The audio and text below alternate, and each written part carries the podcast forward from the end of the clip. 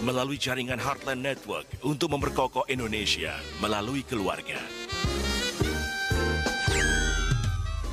Tapi sebelumnya kami ingin menyapa seluruh pendengar yang merilai siaran di hari ini. Radio Respon 93,0 FM Padang, Radio Harmoni 97,0 FM Makassar, Radio Heartline 91,7 FM Lampung, Radio Heartline 100,6 FM Jakarta, Radio Heartline 92,2 FM Bali, Radio Heartline 94,4 FM Samarinda, Radio DKJ 103,4 FM Lubuk Linggau, Radio Shalom 90,2 FM Tobelo Halmahera, Radio CSW 89,40 FM Manado, Radio Gala 107,8 FM Banyuwangi, Radio Elisa 103,9 FM Salatiga, Radio Bonapit 90,1 FM Tarutung, Radio SGFM Blitar, Radio Suara Kasih 99,5 FM Tarakan, Radio Pemulihan Kasih 96,5 FM Bajawa Flores, Radio Rasinda Karanganyar Solo, dan Radio Shalom 107,7 FM Kediri, Jawa Timur.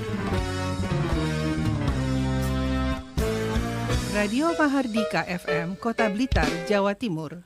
Radio Kota Batik FM Pekalongan Jawa Tengah. Sasana FM Kepulauan Mentawai, Sumatera Barat. Kijang Kencana FM Indramayu Jabar. Suara Kampar FM Riau. Tangerang Radio Kabupaten Tangerang Banten. Abdi Persada FM Banjarbaru, Kalimantan Selatan. Langkisau FM Pesisir Selatan Sumbar. Dayataka FM Pasir, Kalimantan Timur. Ramapati FM Kota Pasuruan Jawa Timur. Suara Sampak FM Madura Jatim. Gemilang Kabupaten Magelang Jawa Tengah. RSKK Ketapang Kalimantan Barat. Suara Banjar FM Kalimantan Selatan. Suara Lamongan FM Jawa Timur. Karisma Ratu Samban FM Bengkulu Utara Bengkulu.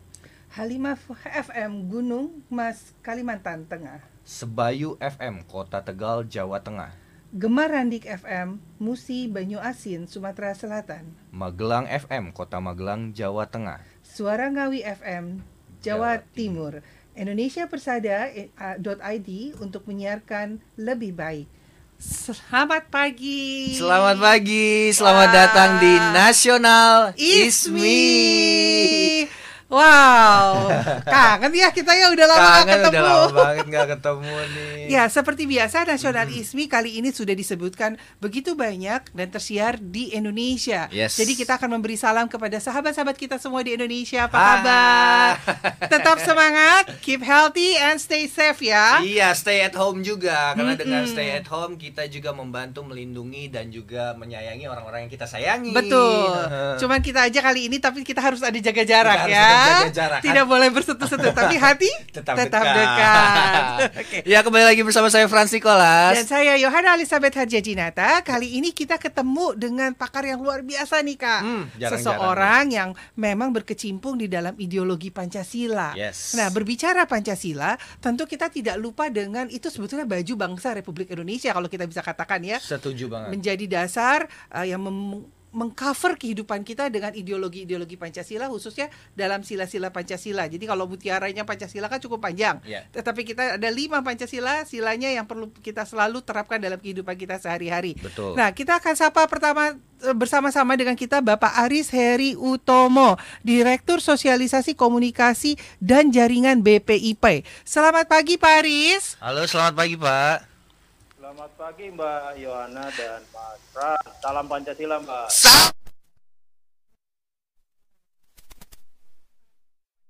Waktu satu jam bersama kita membahas tentang kembali ke jati diri gotong royong hadapi corona. Nah, relevan sekali to- topiknya ya. Eh, eh, ya. Heeh, sesuai dengan eh, eh, jati diri bangsa kita, gotong royong. Betul. Nah, Pak Aris berbicara dengan jati diri kita sejauh sebelum bahas tentang yang lain-lain deh.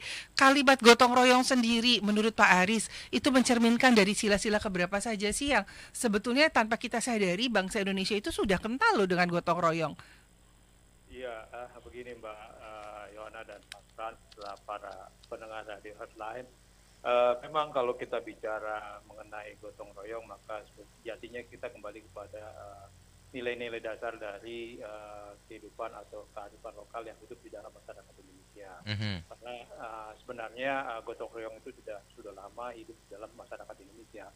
Karena itu eh, Karno sendiri ketika eh, menyampaikan usulan mengenai dasar negara Pancasila, beliau menyebutkan salah satu intinya adalah dari Pancasila itu adalah eh, gotong royong karena Ya. beliau pada saat itu mengusulkan ada lima sila, nah yang beliau sebut sebagai Pancasila. Namun demikian, kalau lima sila itu menurut Bung Karno ini ya, ke- kalau lima sila dianggap masih terlalu panjang, bisa disingkat menjadi tiga sila atau trisila. Oke. Yaitu eh, kebangsaan, ke, eh, sosio-demokratis dan eh, ketuhanan. Nah, namun kalau tiga sila itu ini pun masih dianggap kepanjangan, maka bisa menjadi satu yaitu eka sila. Nah, eka sila itu apa? Gotong royong menurut Bung Karno Wow. itu uh, menurut Bung Karno gotong royong itu menggambarkan suatu usaha, satu amal, satu pekerjaan yang dinamakan menurut beliau ini satu karyo, satu gawe gitu loh. Jadi gotong royong itu adalah uh, satu aktivitas pembantingan tulang bersama, pemerasan keringat bersama, perjuangan bantu binantu menurut beliau. Itu juga amal semua buat kepentingan semua. Jadi uh, beliau juga menyebut sebagai holopis kontul uh, kuntul baris gitu Oke. yaitu uh, tolong menolong begitu mbak. Oke. Wah. Dan ini relevan sekali dengan kondisi Saat bangsa ini. Indonesia di tengah-tengah pandemi eh, melawan virus corona, Corona ya kak ya. ya. Tapi saya menarik sekali ya dari lima menjadi tiga dan menjadi satu dan Ya. intinya adalah gotong royong. Sebetulnya kalau kita tadi Pak eh, Aris mengatakan memang bangsa kita sudah kental dengan gotong royong. Mungkin paling sederhana yang bisa saya sampaikan yang paling simpel dulu zamannya dulu itu eh, siskamling ya sistem eh, keliling malam-malam pakai iya. gen- apa Iya, kentongan gitu ya. Mhm. Tongan. Nah, mungkin kalau bisa kita merunut ke belakang juga, misalnya di berbagai daerah banyak itu ada misalnya di Jogja itu kita mengenal gotong royong yang istilahnya ah, disebut mereka sebut sebagai tambatan, yaitu kerjasama atau gotong royong membantu eh, warga yang hendak memperbaiki rumah. Hmm. Jadi mereka bersama-sama menggotong rumah, pindah Hmm. ke satu tempat tanpa harus ada minta bayaran. Ya. Wow. Nah, di Sulawesi Selatan juga ada uh, gotong royong ketika mereka membuat perahu misalnya. Mereka uh, warga di sekitar uh, kampung yang membuat perahu itu saling bantu membantu. Ada yang menyediakan uh, kayunya, ada yang uh, menyediakan tenaganya tanpa uh, meminta bayaran. Gitu. Nah begitu selesai mereka bersama-sama mengangkut perahu itu diturunkan ke laut sehingga bisa melaut. Nah itu juga salah satu bentuk kerjasama atau gotong royong eh, nilai-nilai tradisional yang hidup di dalam masyarakat. Banyak hampir semua eh, daerah atau provinsi di Indonesia memiliki eh, contoh-contoh gotong royong. Di Madura pun ada eh, kerjasama gotong royong, misalnya pada saat eh, tanam garam dan eh, panen garam juga mereka bergotong royong. Hmm. Nah, jadi intinya mereka eh, bahu membahu tanpa eh, memperhitungkan nilai-nilai materi seperti yang kalau misalnya harus digaji sekian atau atau dibayar sekian. Mereka lebih banyak bergotong royong. Nah, kemudian kalau memang ada hasilnya itu yang kemudian di dibagilah atau di, diberikan sebagai bentuk apresiasi gitu. Wah, keren banget Wow. memang bangsa Indonesia itu Ternyata ya. ya. Banyak sekali nilai-nilai luhur yang bisa diteruskan ya untuk generasi zaman sekarang sebenarnya. Betul ya dan, dan ternyata tadi Pak Aris katakan juga nilai gotong royong itu setiap daerah sudah memiliki dari zaman dulu sekali bahkan ya kita baru baru sadar gitu ya sebetulnya itu menjadi darah kental bangsa Indonesia sifat gotong royong tadi ya Pak Aris ya. Iya, sekali Mbak. Nah, eh, Kak Frans ada yang mau ditanyakan enggak terkaitkan dengan gotong royong nih misalnya? Nah, kalau misalnya terkait dengan situasi sekarang nih Pak, gotong royong, eh, mungkin aplikasinya apa ya Pak untuk mengalahkan pandemi corona ini? Iya, kalau eh, kita melihat kondisi sekarang di mana eh, wabah eh, atau pandemi eh, COVID-19 atau wabah virus corona ini sudah istilahnya menjadi eh, wabah atau jadi bencana yang bukan hanya sebetulnya di Indonesia tetapi juga bencana global. Iya. Memang eh, tidak ada pilihan lain kita harus eh, kembali kepada nilai-nilai gotong royong. Mungkin kalau sekarang ini kalau bahasanya anak muda mungkin bukan uh, gotong royong karena kalau anak-anak sekarang ini atau orang-orang sekarang ini ketika kita bicara gotong royong asosiasinya hanya pada kerja bakti, membersihkan lingkungan, Hmm. Sebagainya gitu ya. Mm-mm. Uh, seperti yang uh, dicontohkan pada uh, pada masa-masa lalu. Nah, dalam konteks kekinian kan gotong royong ini bisa disebut sebagai uh, kolaborasi begitu. Kolaborasi. Kolaborasi. Bahasa keren tuh Pak, kolaborasi Pak. iya kan kita kan kadang-kadang senang dengan bahasa-bahasa asing collaboration gitu kan. Iya iya iya. Saya pertamanya pikirnya katanya volunteerism, Pak. Tapi kolaborasi lebih asik, Pak. Lebih asik gue.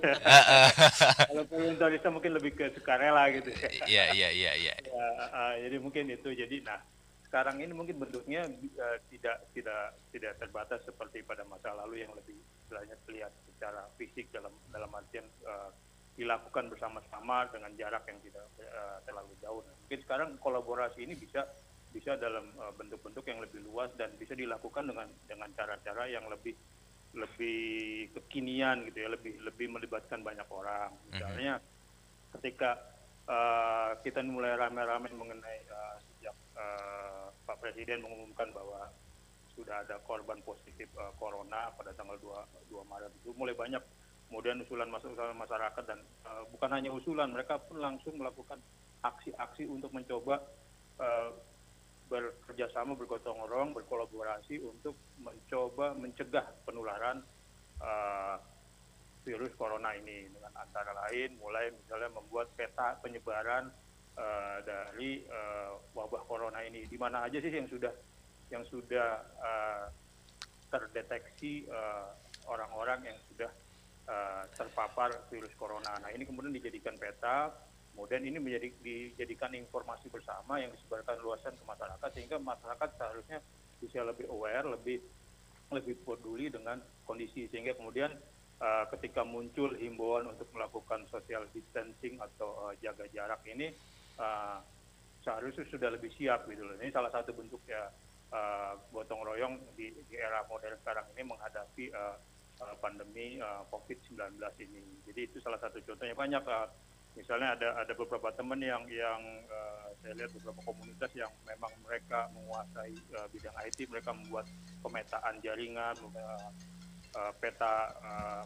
terdampak virus gitu ya. Kemudian beberapa daerah juga membuat uh, aplikasi-aplikasi yang coba mengingatkan uh, masyarakat ataupun mereka tanpa diminta misalnya membuat uh, uh, konten-konten kreatif dalam bentuk video, infografis yang Ya. kemudian disebarluaskan ke seluruh masyarakat. Itu salah satu bentuk gotong royong mungkin yang di era kekinian yang bisa uh, segera dilakukan oleh uh, masyarakat atau komunitas-komunitas yang sudah dilakukan sebetulnya oleh mereka. Iya, bangga sekali sebenarnya saya melihat uh, respon dari bangsa ini uh, begitu kompak, bersatu untuk tetap di rumah, untuk berkolaborasi, tetap kreatif, berkolaborasi, menghasilkan karya-karya yang uh, menghimbau untuk uh, masyarakat untuk peduli, untuk saling peduli, Iya, tetap betul. positif di tengah-tengah pandemi corona ini, ya Betul. Pak ya.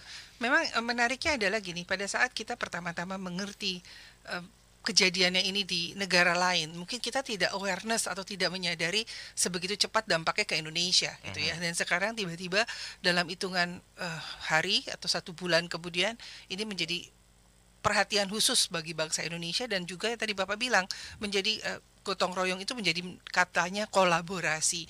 Di mana kolaborasi ini saya boleh ber- bercerita sedikit misalnya gini. Kalau kita semua berteriak kepada pemerintah kasihan juga gitu ya. Ya. Eh, pemerintah pekerjaannya banyak dan kita harus mengambil bagian dalam diri kita untuk menjadi pelaku membantu pemerintah. Jadi kalau kita menjadi pelaku artinya kita sadar adanya harus tadi work from home atau stay at home aja di rumah aja gitu ya. Itu sudah menjadi langkah eh, konkret yang sederhana tapi sebetulnya berdampak besar tidak hanya untuk diri kita, keluarga kita tapi juga membantu pemerintah. Nah, Pak Aris, terkait dengan ini sebetulnya selama kita sudah masuki dua minggu ya, eh, bagaimana sih tanggapan Pak Aris? Apakah memang kayak di rumah aja work from home itu sudah bisa dikatakan efektif?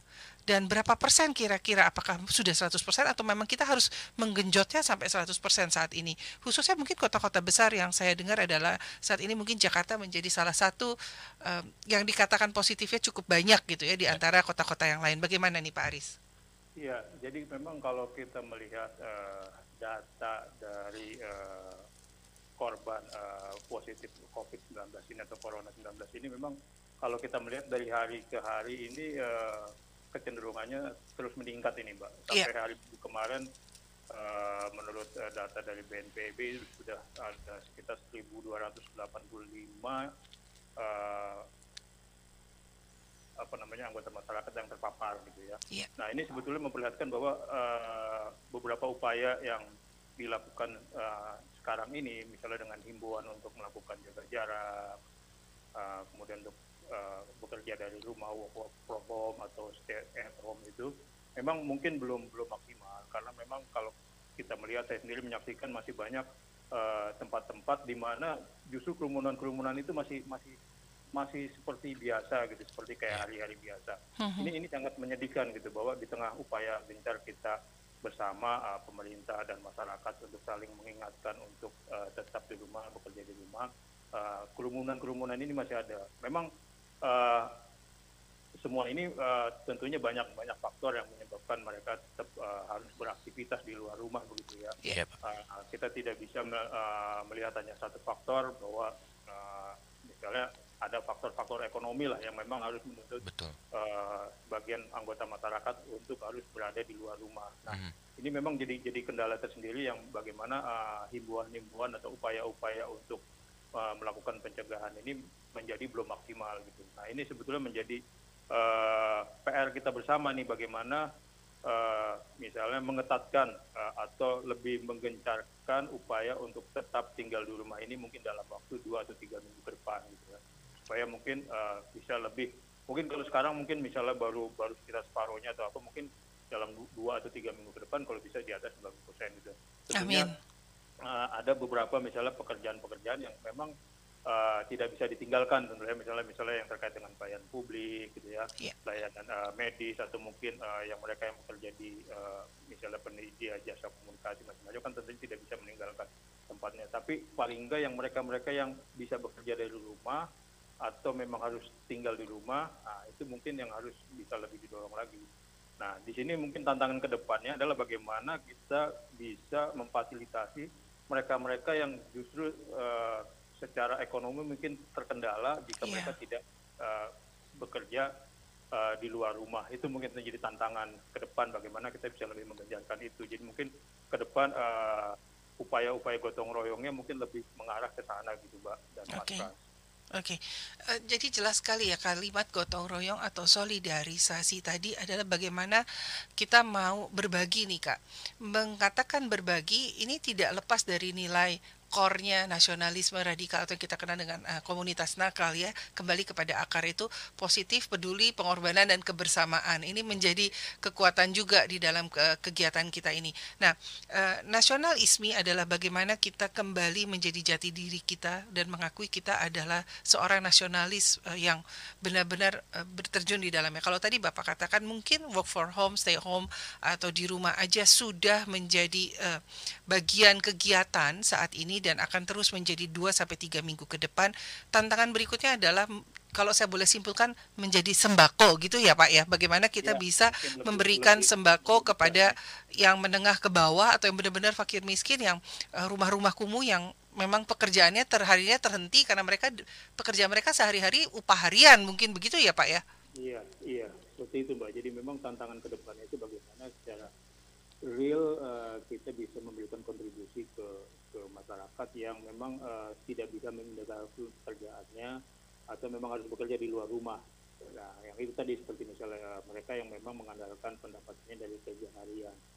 Nah, juga termasuk tadi eh, misalnya pedagang-pedagang kaki lima atau pedagang kecil yang yang tentunya mereka ini juga serba salah sebetulnya kan karena ketika mereka tetap berusaha berjualan di luar tapi tidak ada yang membeli misalnya itu kan juga masalah gitu kan. Iya. Jadi jadi itu jadi problem bersama. Nah, mungkin bagaimana eh, selain tentunya eh, upaya-upaya yang dilakukan pemerintah secara resmi misalnya ada rencana pembelian eh, PLT gitu ya. Tentunya mungkin kontribusi itu dari dari masyarakat gotong royong dari masyarakat ini yang yang eh, sekarang ini memang terus eh, didengungkan dan terus didorong supaya eh, eh, aksi-aksi ini bisa lebih lebih nyata begitu Mbak. Oke. Oke, luar biasa. Dan saya percaya kalau misalnya ini dilakukan semua secara sinergi, pasti musuh kita bersama yang kali ini bukan penjajah, tapi virus corona ini uh, akan bersama-sama akan kita kalahkan. Uh, Amin. cepat atau lambat justru ya. Iya. Semakin kita uh, Kita harus berharapnya cepat jangan lambat ya. Betul, betul, betul. Justru semakin kita eh, diam di rumah akan makin cepat virus ini akan dikalahkan karena sebenarnya dari masa terjangkit hingga sembuh sebenarnya cuma cukup 14 hari kalau misalnya seluruh rakyat Indonesia 14 hari di rumah Serentak gitu ya, Itu. 14 hari di rumah. udah langsung bisa dikalahkan sebenarnya. Mhm, Nah, mhm, tapi gimana caranya supaya kita punya kesadaran untuk gotong royong, Gotong royong. untuk berkolaborasi, untuk tetap di rumah saling melindungi gitu Betul, ya. luar biasa. Oke, kita mengundang untuk eh, hotline atau pendengar sekalian se-Indonesia. Bagi Anda yang ingin bertanya bisa menghubungi kami di 0215919244 atau melalui WhatsApp di 0855 Namun setelah satu lagu yang berikut ini.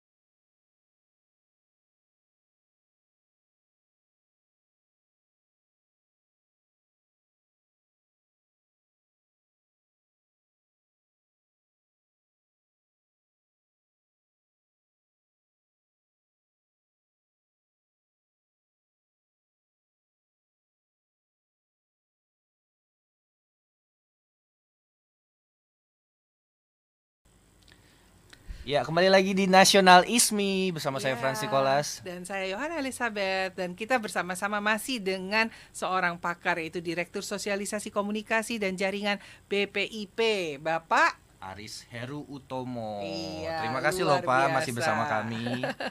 Bapak. Halo, Pak, masihkah bersama dengan kami? Halo.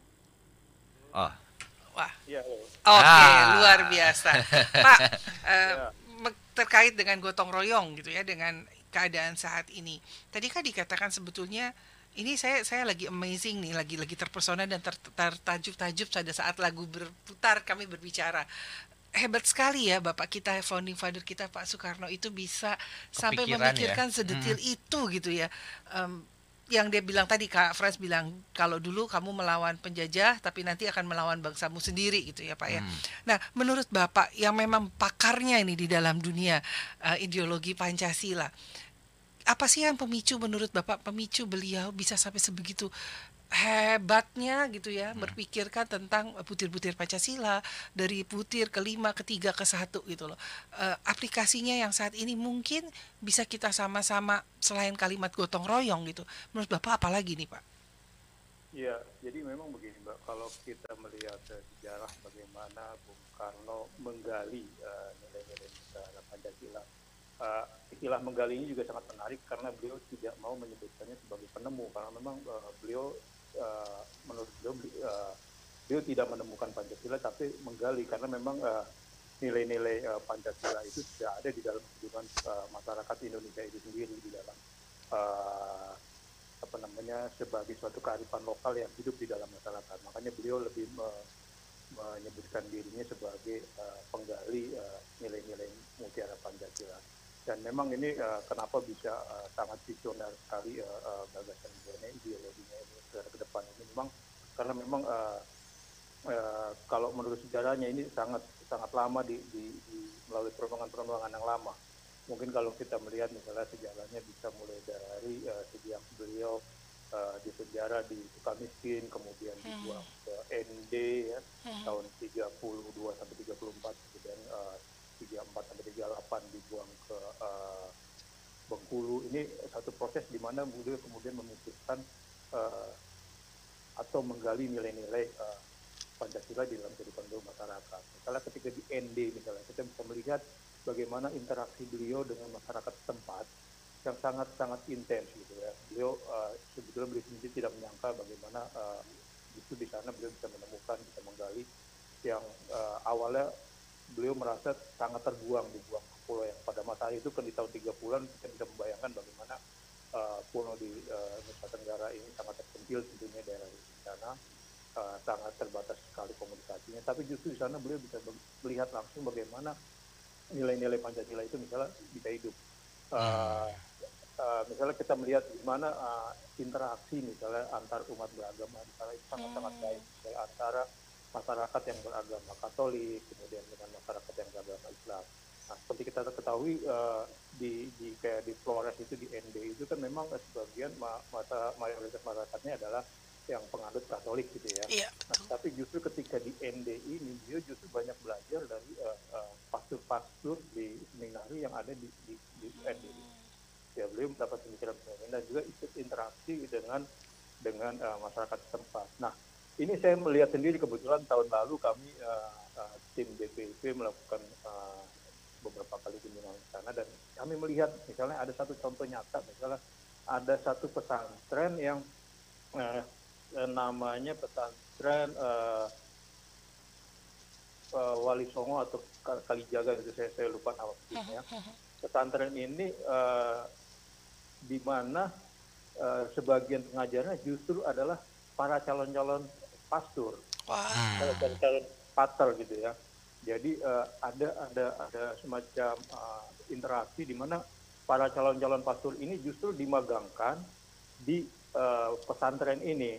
Jadi selama satu tahun mereka eh, membantu kegiatan di pesantren ini eh, ya resminya misalnya mereka memberikan pelajaran mengenai bahasa Inggris, musik atau hal-hal lain yang memang dibutuhkan di pesantren itu. Tapi secara nyata juga mereka ikut membantu kegiatan sehari-hari mulai dari masak. Bahkan yang sangat menarik misalnya ketika pagi hari justru pastor-pastor itu ikut membangunkan santri-santri untuk uh, sholat subuh begitu. Wow. Bantu. Jadi jadi nilai-nilai apa namanya uh, keberagaman, solidaritas itu memang bukan bukan hanya di atas kertas, tapi justru hidup di masyarakat dan itu terlihat sekali di sana gitu.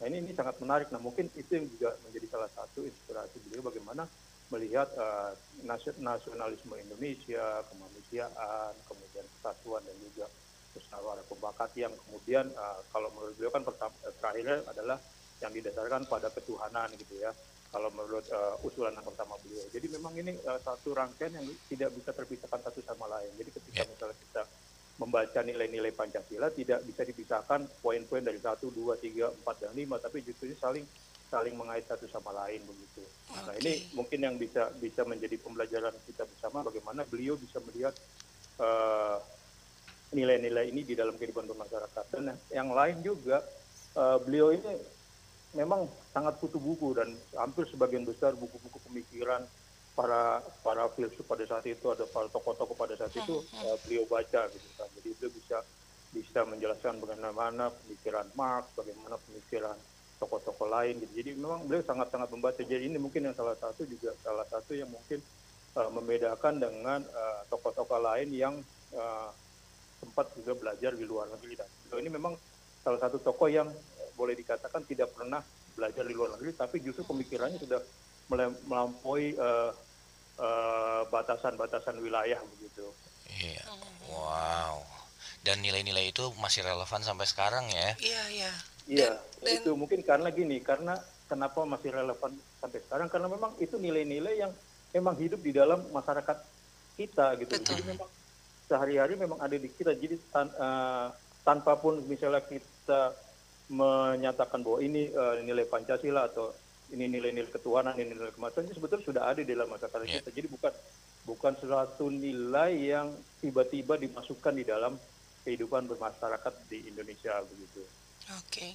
Nah, tadi menarik sekali ya. Tadi kalau kita belajar dari apa yang Bapak sampaikan, bagaimana Bapak Soekarno yang luar biasa hebatnya ini ternyata juga orang yang sangat rendah hati dan mau menerima masukan-masukan artinya dia mau belajar dari lingkungan dia mau belajar dari siapa pun itu tanpa harus membatasi saya ini misalnya agama tertentu atau hmm. orang tertentu hmm. nah ini harusnya juga menjadi kekentalan yang terus menerus sampai saat ini ya jadi kalau kita bisa katakan di zaman sekarang pada saat ini khususnya pada saat kita mengalami pandemi corona harusnya kita juga uh, kembali disadarkan dan diingatkan akan siapa kita. Kalau kemarin-kemarin kita mungkin sibuk ya, mulai ada uh, pembagian iya, uh, saya yang saya benar, benar atau mm. kamu uh, warga mana, saya warga sini gitu ya.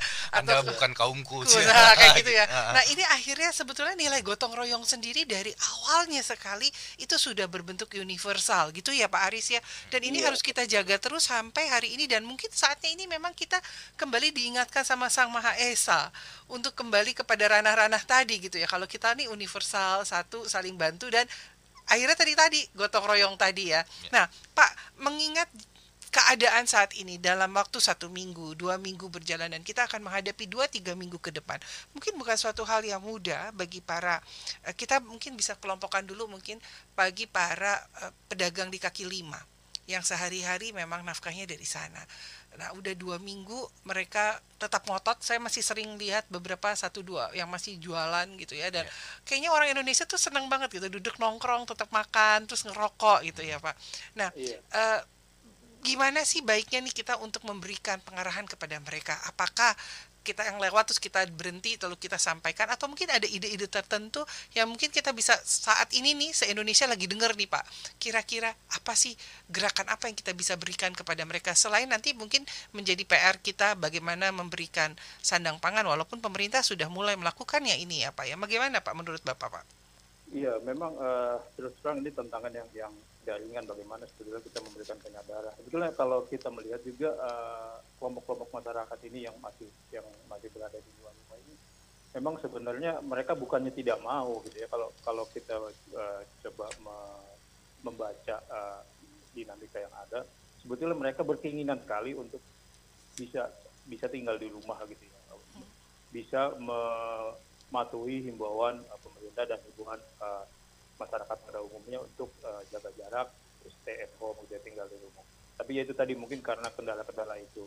Nah, tapi memang yang yang justru yang kalau kalau itu mungkin tadi uh, kita mungkin nanti bisa cari uh, solusinya bersama bagaimana uh, bisa memenuhi uh, ini kan sebetulnya kalau yang masyarakat masyarakat yang yang tadi pedagang kaki lima mungkin uh, pengemudi ojol gitu ya Mhm, dan, dan lain-lainnya atau atau mereka yang mencari nafkah di jalanan dengan upah harian itu memang itu sebetulnya uh, tentunya peran peran serta pemerintah akan sangat diharapkan uh, melalui program-program uh, bantuan yang memang sebetulnya mestinya sudah tersedia begitu ya dan mungkin nanti juga diperkuat dengan uh, bantuan atau kerjasama dari dari masyarakat pada umumnya. Tapi mungkin yang agak berat juga adalah yang terkait dengan mereka-mereka ini yang masih tidak peduli gitu, masih masih abai. Kemudian ah menganggap enteng eh, isu corona ini, virus corona gitu. Jadi ah ini kan ah, saya kan sehat-sehat aja begitu kan. Ya. Kalaupun ini karena saya fisik saya kuat lah gitu dan dan merasa misalnya terutama anak-anak muda gitu kan. Ya, tapi mereka tidak sadar bahwa mereka ini bisa menjadi carrier kan Iya. Iya, virus, betul. virus yang bisa menyebarluaskan ke orang lain. Nah ini mungkin yang justru, justru ini kita kita kita lebih banyak eh, apa ya kita lebih banyak ya, ingatkan gitu. Karena saya sendiri juga masih masih sering melihat mereka masih senang ngumpul apa ngumpul-ngumpul gitu, Hmm. makan makan bersama, ngopi apa sambil merokok ramai-ramai. Ini memang yang yang kendala gitu. Jadi memang nah di sini mungkin salah satunya bagaimana kita mendorong eh, peran keluarga ya mungkin bagaimana keluarga bisa bisa menguatkan anggota keluarganya untuk mencoba menjaga jarak untuk mencoba untuk membatasi diri sementara ini paling tidak dua dan tiga minggu ke depan ini bagaimana supaya uh, masa inkubasi ini terlewati lah gitu kan Mhm, nah kalau ini masa ini terlewatin uh, mungkin uh, kita akan bisa lebih lebih ke depannya bisa lebih lebih baik lah untuk untuk mengelola uh, dampak-dampak dari uh, uh, mereka-mereka yang terpapar uh, uh, virus corona. Karena memang sebetulnya kan masalahnya ini kan memang banyak yang yang yang bilang bahwa ah uh, corona ini kan sebetulnya hanya menjadi penyebab yang tidak terlalu besar untuk misalnya jatuhnya uh, korban uh, karena misalnya banyak penyakit-penyakit lain yang justru sebetulnya lebih bahaya Betul. penyakit jantung Mhm. penyakit diabetes, kena uh, Iya. kanker misalnya. Iya. Nah, ini yang ini yang kemudian memunculkan pandangan uh, menye- menyepelekan, memudahkan gitu kan. Iya. Padahal kan sebetulnya bukan bukan di situ masalahnya. Justru masalahnya adalah ketika korban atau mereka yang terpapar virus corona ini terjadi bersamaan, permasalahannya adalah keterbatasan tempat dan tenaga medis yang akan uh, merawat mereka. Ini kan yang jadi masalah. Iya, sebetulnya. betul Iya. Pak. Makanya disebut istilahnya flattening the curve ya. Jadi Iya, uh-uh. Uh, uh, jadi kita mesti uh, mempertimbangkan kesiapan tenaga medis yang tersedia juga dan yang sedihnya uh, tenaga medis juga sudah banyak yang berjatuhan korban. iya. Uh, uh, ada pendapat yang menarik Pak soal uh, soal kenapa tidak semua melakukan apa yang sudah dianjurkan pemerintah seperti uh, uh, untuk uh, untuk stay at home gitu ya Pak. Jadi di mana penyakit ini adalah jadi kalau misalnya kita bagi dua mas, masyarakat Indonesia ada kelas menengah dan ada uh, masyarakat yang tidak punya gitu Pak. Dan Iya. mereka menganggap kalau penyakit ini adalah penyakit menengah dimulai dari uh, orang-orang kelas menengah atau misalnya uh, pejabat pemerintah terus um, sementara masyarakat-masyarakat yang di bawah itu sebenarnya setiap hari juga sudah setiap hari sudah bergelut dengan penyakit-penyakit lain dan mereka tetap harus keluar, Keluar. tetap harus keluar rumah Iya. karena kalau mereka nggak keluar rumah mereka justru akan mempercepat eh, maaf kematian mereka sendiri karena pada hari itu mereka tidak bisa Nggak mendapatkan nafkah tidak gitu. bisa nafkah. Iya, dan kalau misalnya mereka tetap di rumah siapa juga yang akan peduli sama dia gitu jadi Betul. akhirnya eh, jadi akhirnya ya kepentingan diri sendiri lagi yang berbicara akhirnya. Betul. Nah, Hmm. mungkin ini yang menjadi PR yang tadi Bapak katakan ya, bagaimana sebetulnya akhirnya pemerintah eh, menyadarkan peran serta semua pihak sudah tidak ada lagi ya tadi universal, Ya. tidak lagi menengah atas bawah, tetapi kita menjadi satu universal yang kita memikirkan adalah generasi penerus bangsa kita,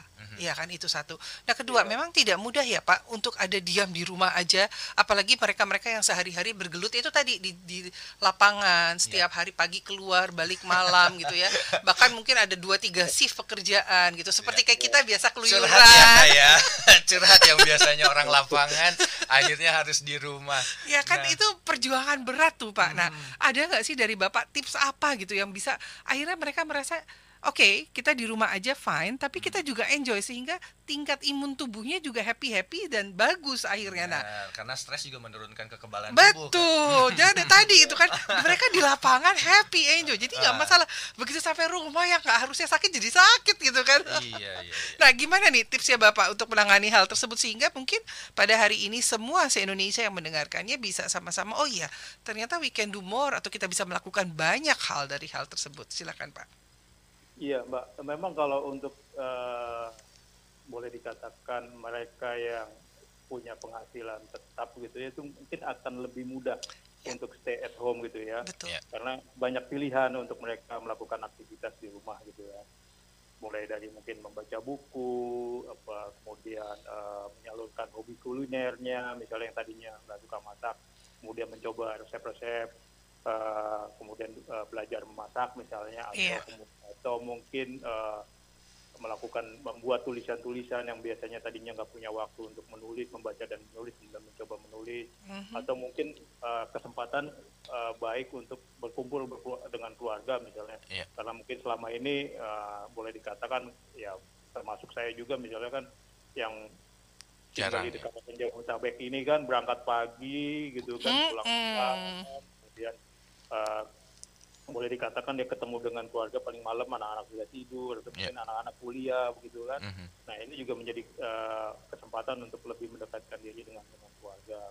Dan juga kalau eh, yang lainnya bisa mendekatkan diri eh, secara keagamaan, misalnya mulai mulai mulai baca-baca eh, ayat-ayat kitab-kitab suci gitu, tapi Iya. belajar yang mungkin selama ini tidak punya waktu. Nah itu tapi itu akan lebih mudah kalau yang memang itu tadi kalau yang punya penghasilan tetap gitu ya, Iya. mereka yang eh, kalangan menengah ke atas lah gitu ya, Mm. memang tidak punya penghasilan tetap. Tapi kalau yang eh, penghasilannya berdasarkan harian ini yang memang jadi kendala gitu nah mungkin ya salah satu tipsnya adalah mungkin ya pem- eh, segeralah eh, kita bersama-sama khususnya mungkin mulai dari di, di- diinisiasi oleh pemerintah untuk mulai memberikan eh, bagaimana sih eh, bantuan lah untuk eh, dalam waktu 2 sampai tiga minggu ke depan ini supaya mereka ini bisa mematuhi eh, anjuran untuk bisa tetap di, di rumah gitu loh. Iya. sehingga mereka tidak perlu khawatir lagi dengan eh, istilahnya eh, penghasilan harian yang selama ini mereka dapatkan. Mungkin tidak 100% ya Ya. tapi paling tidak bisa memenuhi kebutuhan-kebutuhan dasar. Karena memang kan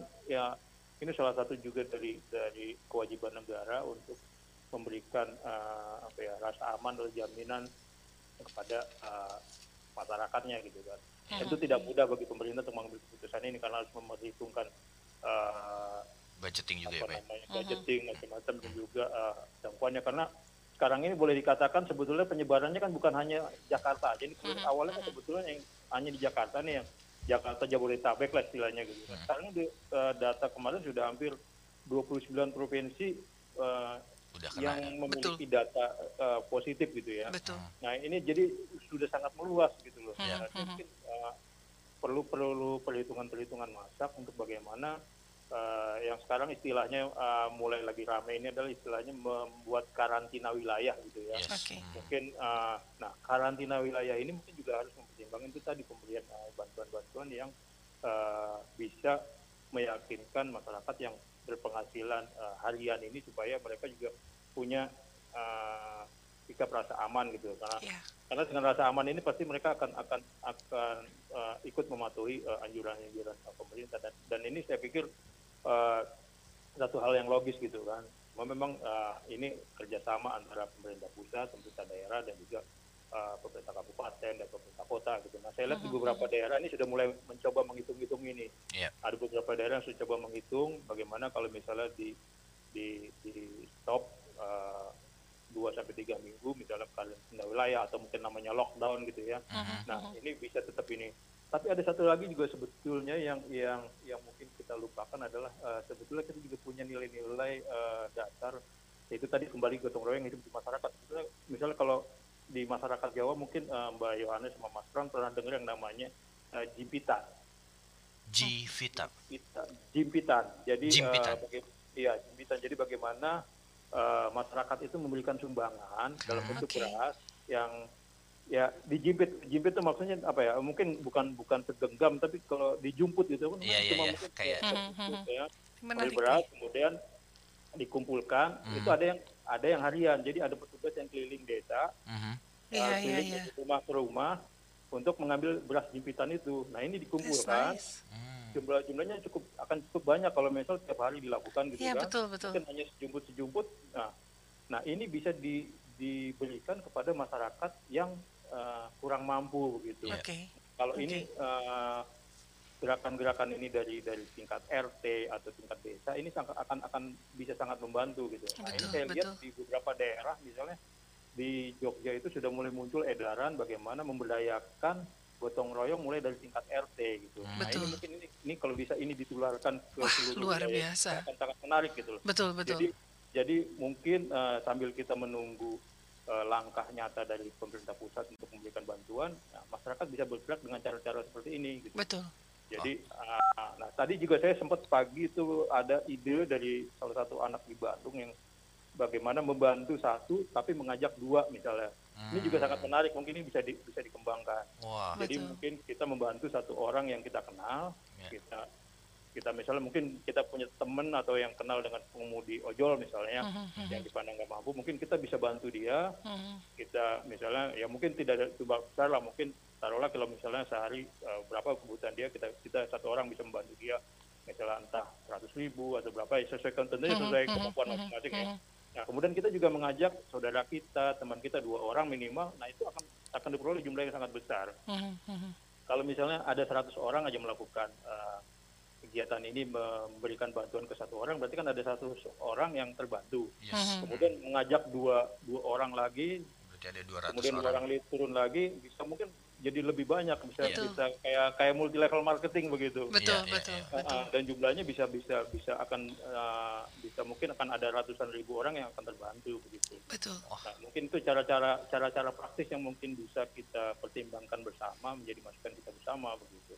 Oke. Keren, Keren. banget itu, Wow, Pak. Bapak, terima Sama- kasih banyak. Sangat aplikatif sekali dan memang sebenarnya sudah dimulai juga ya. Ada saya lihat ada beberapa gerakan seperti eh, untuk kasih tahu eh, barang siapa yang tidak mampu untuk kebutuhan sehari-hari itu untuk direkomendasikan untuk bisa makan gratis di warteg yang Betul. dilakukan oleh Wahyu dan juga ada banyak sekali penggalangan Betul. dana untuk orang-orang yang memang eh, pendapatannya berdasarkan harian. Nah, itu Betul, sudah betul. dimulai sebenarnya. Iya, kita say hello kali sama Kak Wahyu ya. Terima kasih Kak Wahyu ya. Kan anak-anak nakal juga dia. Oke, ini menarik sekali kalau tadi Bapak katakan dari RT. Sebetulnya juga mungkin bisa diaplikasikan tidak hanya dari RT RW tetapi juga dari perkumpulan agama. Misalnya tadi Yes. ya dari gereja eh, bagaimana eh, pendeta ke jemaat terus Hmm. ke semuanya juga pesantren dan juga Buddha Hindu kan juga mereka punya data gitu ya yang Ya. Akurasi. Hmm. Mungkin nah ini yang bisa kita samakan. Terima kasih nih Pak, idenya luar biasa Hmm. dan eh, saya berharap dengan adanya siaran ini juga kita boleh meniru yang sudah dilakukan oleh Ya. Jogja Mhm. dengan jemputan tadi menjemput sedikit-sedikit tapi menjadi bukit ya. Betul. Ini gotong royong yang aplikatif banget, yang Ah. keren sekali gitu ya Pak. atau yang memberi satu mengajak dua itu nah itu juga keren, itu keren, keren sekali, banget. betul. Hmm. Ya balik lagi tidak perlu berapa yang kita bisa berikan, Ya. harus besar atau apa, tapi konsisten. Misalnya setiap hari kita komitmen gitu ya, Mhm. atau seminggu dua tiga kali. Nah tapi dengan demikian harus bisa menjadi kekuatan untuk membantu masyarakat kita pada akhirnya kita semua bersatu menjadi persatuan betul Indonesia. dan kemarin juga ada data yang eh, sangat positif sekali yaitu ada sekitar 5.000 orang yang akhirnya jadi sukarelawan untuk eh, membantu tenaga medis kita Mhm. Iya. wow luar biasa Itu luar biasa. Nah. Pak, eh, nggak kerasa ya kita ngobrol udah satu jam ternyata. Em, terima kasih banyak Pak untuk kehadiran Bapak pada pagi hari ini dan kita akan tetap terus bersama-sama untuk se-Indonesia dalam nasionalisme. Pak Aris, sekali lagi kami mengucapkan terima kasih. Salam Pancasila Pak. salam Pancasila sehat selalu Pak Salam Pancasila. Salam Pancasila. Oke. Eh, pendengar sekalian, senang sekali akhirnya kita sudah sampai di penghujung kegiatan kita nasional ISMI. Kalau kita boleh simpulkan berarti sederhananya adalah gini kali ya Kak. Gotong royong, Mhm. jati diri kekentalan masyarakat Indonesia Ya. yang harus kembali digerakkan. Yes, dan gotong royong juga yang akan membuat kita memenangkan pertarungan melawan virus corona ini. Iya, betul. Dan virus corona secara sadar atau tidak sadar justru semakin mendekatkan kita bangsa Indonesia ya, mempersatukan kita kembali. untuk saling peduli satu sama Iya, lain, iya. untuk saling melindungi, saling Betul. menjaga dan bersama-sama kita akan tidak hanya akan melewati uh, pandemi ini tapi juga kita bertumbuh bersama menjadi bangsa yang lebih kuat saya Dan percaya itu. nanti akhirnya tanpa Hmm. kita sadari dan tadinya kita sempat terpecah-pecah Yes. karena siapa saya siapa kamu Mhm. dengan kegiatan ini kembali tadi kakak bilang menjadi satu dan itu menjadi kekentalan darah yang awal baru ini ya Iya, udah dan Bu. Generasi zaman now yang penerus bangsa tentu Hmm. juga harus banyak belajar. Yang tadi dikatakan ternyata Pancasila itu holistik satu dari sila satu sampai sila lima itu semua saling terkait gitu ya, Yes. Mhm. luar biasa. Nah terakhir nih Kak Frans, saya Hmm. cuma mau mengingatkan buat teman-teman semua se-Indonesia milenial dan yang non milenial ya non milenial maksudnya kita kita nih Kak. kita kolonial ya. kita kolonial. Tapi jiwanya Kak Eh, kalahin jiwa. anak milenial. Oke, yang pertama adalah kembali tidak ada di kerumunan atau merasa dirinya Iya. sehat sehingga kayaknya santai aja ngumpul bersama-sama teman gitu ya. Hmm. Mungkin bisa melakukan kegiatan yang anak-anak kuliah, belajar di rumah, mempersiapkan skripsi ya Kak. Hmm. Kan skripsi itu susah tuh. Nah, sekarang zamannya waktunya panjang nih. Ya, bisa belajar skill-skill baru juga. Kayak Kak Fran, saya belajar apa Kak? Saya belajar nulis. Hai, keren ya. Saya nggak usah jauh-jauh deh, belajar makan aja. Ah, belajar makan, belajar masak ya. Kalau misalnya diibaratkan film superhero nih Pak, eh, Kak, eh, kita juga punya superpower nih. Superpowernya adalah kita diam di rumah. Karena dengan diam di rumah kita bisa melindungi orang lain. Betul. Tapi Mhm. bukan berarti kita sekarang juga melanggar kalimat diam di rumah ya Kak, karena kita Enggak. memiliki tugas Ya. memberikan berita yang positif Ya. kepada bangsa Republik Indonesia ya. Ya. Ada satu tadi pagi yang saya dengar dari Mhm. eh, siaran ini adalah sebetulnya sederhana kalimatnya positif. Hmm. Berpikir positif, berperilaku positif Yes. sehingga menghasilkan yang positif. Jauhkan eh, kalimat-kalimat atau berita-berita yang tidak benar, Betul. tidak perlu. Nah, Hmm. ini kembali menyaring kita punya Betul. berita di dalam WhatsApp grup, Ya. WhatsApp pribadi ya, jangan Hmm. langsung main sebar-sebar ya. Benar, yang salah satu yang paling cepat menular, menyebar itu adalah hoax. Nah, Nah. kita mau tentunya kita mau menghindari untuk ikut serta dalam menyebarkan hoax. Betul, karena saya sempat kaget juga kemarin tiba-tiba Hmm. ada teman, eh eh, udah mau lockdown loh, nanti kamu gimana? Udah Hmm. nakut-nakutin gitu ya. Jadi Kalau akhirnya bilang, pak jadi panik panik buying. malah akhirnya Oh, betul. oh. Terus lucunya gini, itu kan baru wacana. Iya. Kok sudah ada kesimpulan sendiri masyarakat. Nah, ini Mhm. kita harus membuat nilai-nilai positif kembali ya, Kak ya. Iya iya iya iya iya. Dan kalau misalnya kita mau menyebarkan sesuatu, menyebarkanlah kasih dan juga kebaikan. Aku Eh, cinta kamu.